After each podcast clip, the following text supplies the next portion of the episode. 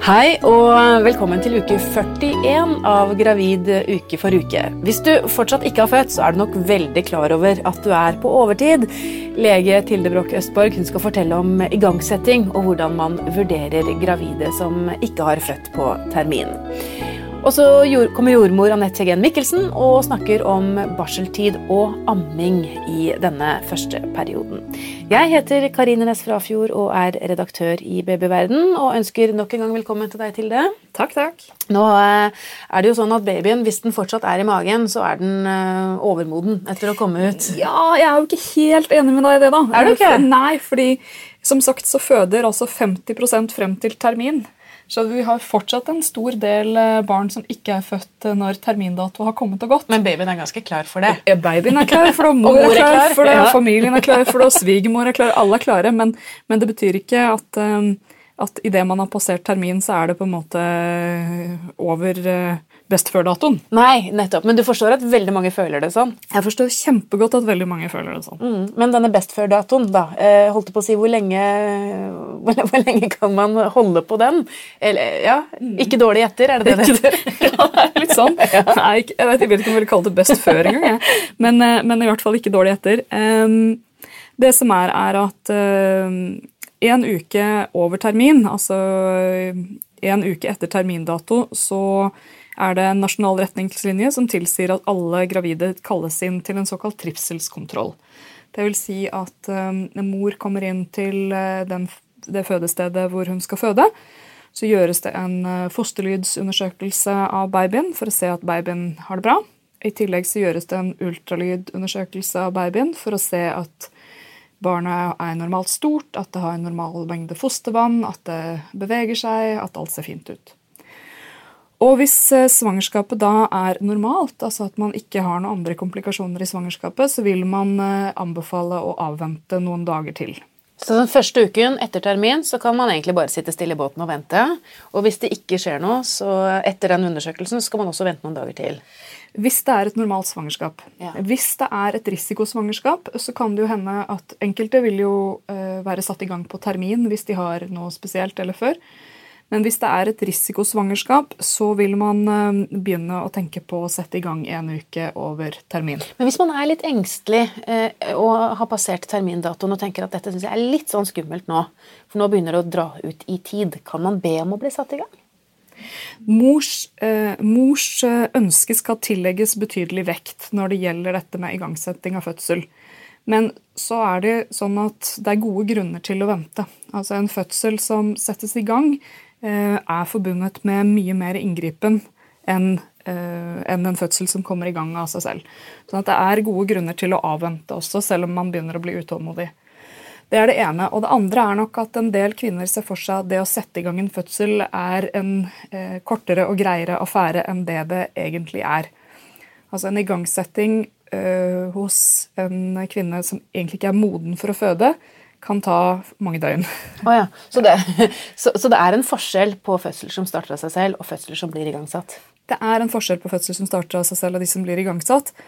Noe av det handler eh, Det er vanskelig å forske på. Fordi eh, noe, noe av det handler om eh, hvorfor fødselen blir satt i gang. At en del av inngrepene kan handle om det som gjorde at man satte i gang fødsel. Men vi ser i hvert fall at de fødslene som settes i gang, eh, har, flere, har et høyere nivå av inngripen. Men når du sier inngripen, hva mener du med det? Eh, Ja, det er mange ting. Eh, at vannet tas, epiduraler, eh, operative forløsninger. Altså keisersnitt, tangvakuum. Mm, ok. Så si man har ventet da først i denne, disse første sju dagene, første uken, og så to, tre, fire dager etter det. Ingenting skjer. Hva da? Nei, da er det sånn at eh, nasjonal anbefaling er å sette i gang senest i uke 41 pluss 6. Altså Da blir det ni Nei, ti dager over termin. Nå må jeg telle. Ja, 41 pluss 6 i hvert fall. Um, og da, Og da setter man i gang. man må ikke da heller. Uh, igjen, uh, frem til denne nye retningslinjen så, uh, så var det sånn at eh, man lot svangerskap gå lenger. Og hvis babyen har det fint og mor sterkt ønsker å unngå en igangsetting, så kan man be om en ny trivselskontroll. Men de aller aller, aller, aller fleste kvinner er på dette tidspunktet såpass lei at de, at de ønsker en igangsetting når de har kommet til 41 pluss 6. Men vet du hvorfor noen barn da har det så fint der inne at de ikke vil ut? Nei, det er et kjempestort spørsmål. Um, jeg hadde en kollega som fikk det som prøveforelesning på doktorgrad. liksom Hvorfor starter fødsel? Og det er eh, Noe vet man. Um, at det er mer overtidighet hos eldre kvinner. Og mer overtid hos kvinner som er overvektige. Men akkurat hvorfor noen, blir, eh, altså noen svangerskap er lange, det, det vet man ikke helt. Mm. Er det noe større risiko for å føde med keisersnitt når man går på overtid? Ja, nå spør du godt. Um, jeg tenker at man blir igangsatt. Kan det like gjerne føre til et keisersnitt, tror du? Igjen så er det um, Vi vet at det er mer keisersnitt i gruppen av kvinner som blir satt i gang, men om det er igangsettingen eller overtidigheten Mange tenker jo på en måte at de vil settes i gang litt før fordi barnet blir større, men det er ikke de 170-200 grammene som gjør fra eller til som gjør om et barn kommer ut eller ikke. Nei, akkurat. Så det vi kan i hvert fall si med sikkerhet, da, er at når man er i uke 41, at på dag 6 i den uken, da skal babyen ut. Jeg skal ikke ut, for igjen, fortsatt, da, da, er det igangsetting eller induksjon av fødsel som står på, på, programmet. Og Der er det store forskjeller fra sykehus til sykehus eh, hvordan det foregår. I all hovedsak så er det eh, en del sykehus som bruker hormoner først og ballong etterpå. Og så er det andre sykehus som bruker ballong først og hormoner etterpå. Men man kan belage seg på at det tar opptil tre døgn. Akkurat. Takk skal du ha, Tilde Broch Østborg, vår faste lege i, i, denne serien. Vi har én episode igjen. Vi skal faktisk innom uke 42 også. Og da skal vi snakke om eh, de undersøkelsene som eh, barnet skal gjennom etter at de er født. Men vi er fortsatt i uke 41, og etter pausen skal jordmor Anette Hegen Mikkelsen snakke om barseltid og amming rett etter fødsel.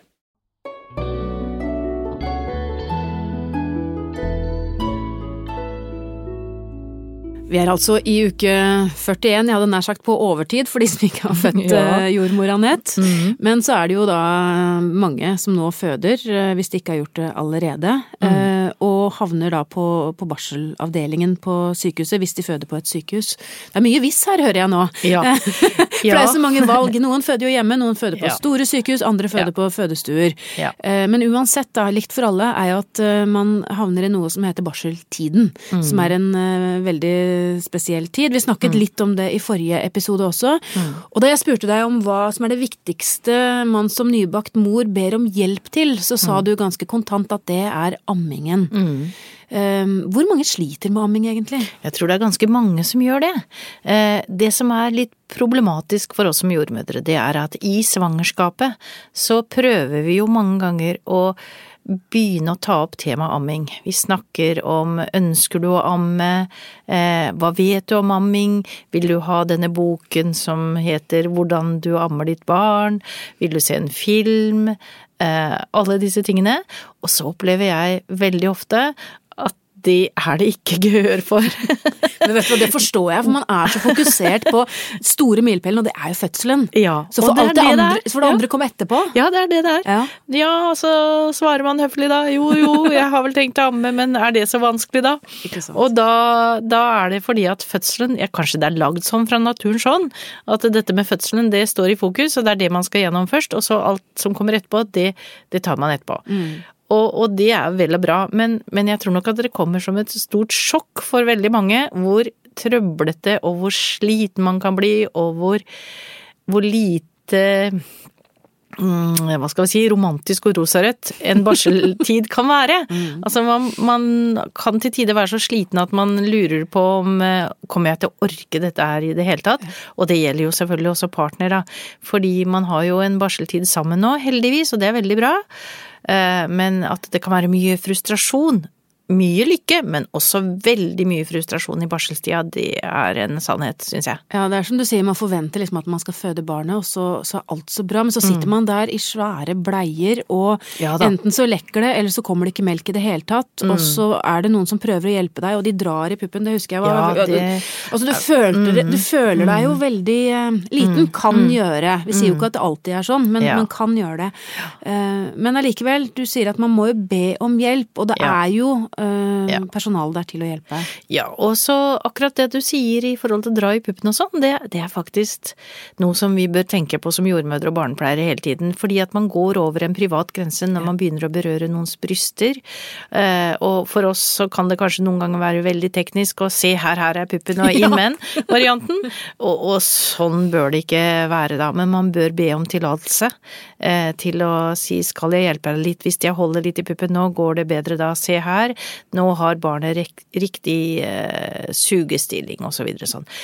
Mye av dette med ammingen kan man ikke nødvendigvis vite noe om før man har prøvd. Det er det som er så vanskelig, fordi at det, teoretisk sett så kan man lese seg til, og man kan eh, se på filmer og man kan gjøre all verdens, men altså, det praktiske liv i forhold til amming, det er litt mer kinkig enn som så. Og noe av det som er utgangspunktet, det er jo det at eh, eh, Jeg har lyst til å si innledningsvis, litt sånn optimistisk, å si at dette går bra til slutt. Det betyr det at det er sånn. en læreprosess? Det er en læreprosess både for mor og for barn. Noen unger kommer ut og bare smakk, så er de på puppen. Og melka er der. Og melka er der. Altså, de får tak i puppen på en helt fornuftig måte, nesten helt av seg sjøl. Ingen problemer.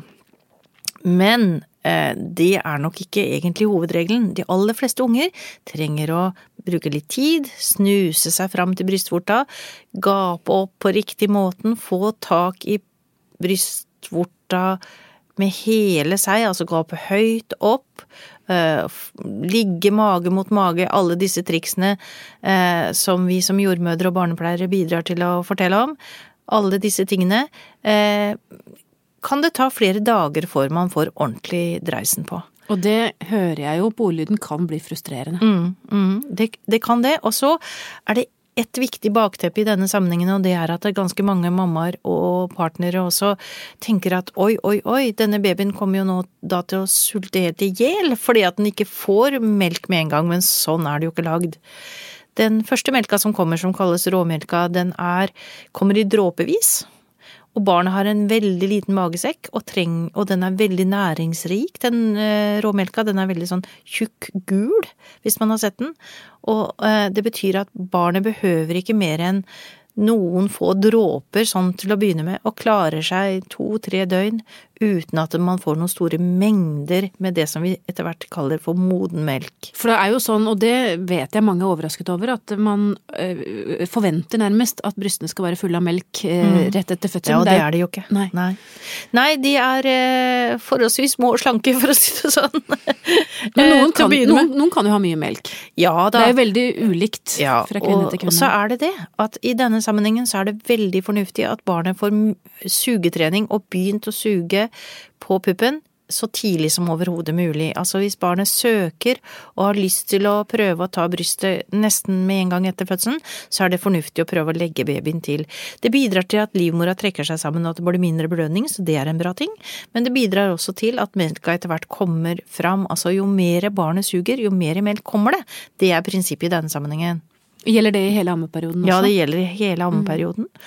Og så eh, vil man etter hvert, eh, når man har amma lenge, så vil man også kjenne på at det finnes noe som heter økeperioder. Og det vil altså si at noen eh, pe- perioder så vil det, man føle at det er mye mindre melk i puppen enn det babyen trenger. Og da er trikset å legge babyen til og la babyen suge, og så det, justerer det seg i løpet av en dag eller to opp i en større melkemengde som gjør at barnet får det den skal. Men denne første ammingen den kan for mange oppleves som ganske så trøblete, og det er derfor det er lurt å være et sted hvor man har fagfolk rundt seg som lærer, alle, lærer bort alle disse triksene. Ja, men midt oppi alt dette vanskelige så kan man få beskjeden om at øh, nå skal du hjem. Ja, og det er jo det som er problemet. Ja. Og det er det jeg er, eh, og mange med meg som jordmødre, veldig kritisk til. Den, eh, de nye retningslinjene i forhold til barselomsorgen, det vil si retningslinjene som sådan er jo fornuftige nok, men hvis man kommer hjem og det ikke finnes kommunejordmødre eller andre jordmødre som kan ta imot en og komme på besøk de nærmeste dagene, altså jeg det fins jo eh, veldig bra ordninger mange steder rundt i Norges land hvor man har eh, jordmødre i stillinger som gjør at de virkelig kan komme på barselbesøk med en gang, for det er det det dreier seg om. Det dreier seg ikke om en uke eller sånn, men det dreier seg om de første døgnene etter en fødsel, og kan bidra til eh, gode ammerutiner og ta seg av de, de, de tingene som man ellers ville tatt på en barselavdeling, så er det vel og bra. Men så lenge det finnes er dårlig med oppfølging av jordmødre i kommunene mange steder i Norges land, så har vi et problem at eh, fødekvinnene, den nye barselsfamilien, eh, er i et vakuum i en periode inntil helsesøstrene har mulighet til å komme. Men hva gjør man da? Nå skal jeg ikke svartmale situasjonen, men jeg har jo hørt fra egne erfaringer og venninner ja. at man kan komme hjem, babyen vil ikke ta brystet, man sitter, ungen griner, du griner, alt ja. er vanskelig. Ja. Hvor henvender man seg da? Nei, i første rekke så tenker jeg jo at det er barselavdelingen på sykehuset som man har vært på, som har ansvar for en, sånn som det fungerer nå. Så da ringer man tilbake til barselavdelingen for å komme tilbake til det som heter barselpoliklinikk klinikk osv.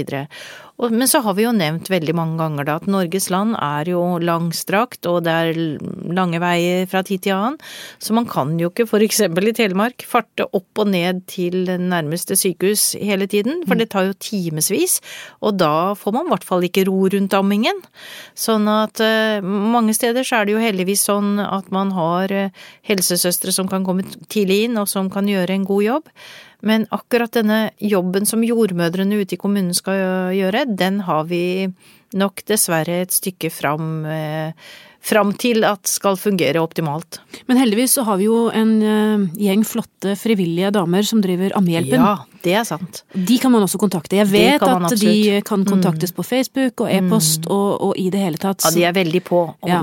og det, tenk, det er jo fantastisk. Det er frivillig organisasjon som, som hjelper til i, i, de aller fleste situasjoner.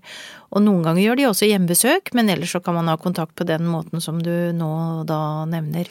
Men jeg tenker det viktigste er vel at man ber om hjelp. Mm. Ja, man skal ikke holde på i døgnevis med såre brystvorter og et barn som slår tunga opp og ikke tar puppen, og man har sprengte bryster, for det blir det jo etter hvert mye, mye melk, eh, og man ikke får melka ut, og man kan få betennelse og all verdens uten å søke hjelp i tide, altså. Det må jeg si. At her er det eh, skal det veldig mye til at man kan bare liksom fikse opp i dette her sjøl. Mm. Takk skal du ha, jordmor Anette Gen Mikkelsen. Og så har jeg bare lyst til å tilføre at eh, i Babyverdens podkast, den andre podkastserien vi lager på Babyverden, så har vi flere episoder som handler om amming. Sånn at hvis du eh, lurer på mer og vil vite mer om amming, så anbefaler jeg deg å laste ned Babyverdens podkast. Og på babyverden.no så har vi også massevis av artikler om dette temaet, hvor du kan eh, lese deg opp til mer informasjon. Neste uke så er vi ved veis ende i denne serien. Da har vi kommet fram til eh, uke 42. Da skal vi snakke både om den nyfødtundersøkelsen som alle barn eh, skal igjennom etter fødselen, og så skal Anette komme tilbake og fortelle om eh, tiden hvor man går fra en jordmor og over til en helsesøster. Hvis du vil ha mer og troverdig informasjon om graviditet og småbarnstid, finner du mange tusen artikler på babyverden.no. Last gjerne ned appen vår Gravid og barn, så kan du følge din babys utvikling uke for uke, både før og etter fødsel. I appen finner du også artikler, morsomme verktøy, gode tilbud og selvfølgelig også alle podkastepisodene våre. Som medlem i Babyverden får du også ukentlige nyhetsbrev med masse nyttig informasjon om både deg og babyen din, og tilgang til vårt populære diskusjonsforum. Våre medlemmer er også med i trekningen av flotte premier hver måned helt fram til barnet fyller ett år. Alt er selvfølgelig helt gratis. Det er også Babyverden som utgir Spedbarnsboken, som du kanskje har hørt om. Vi har gitt ut Spedbarnsboken gratis helt siden 1964, og den får du på de fleste sykehus etter at du har født.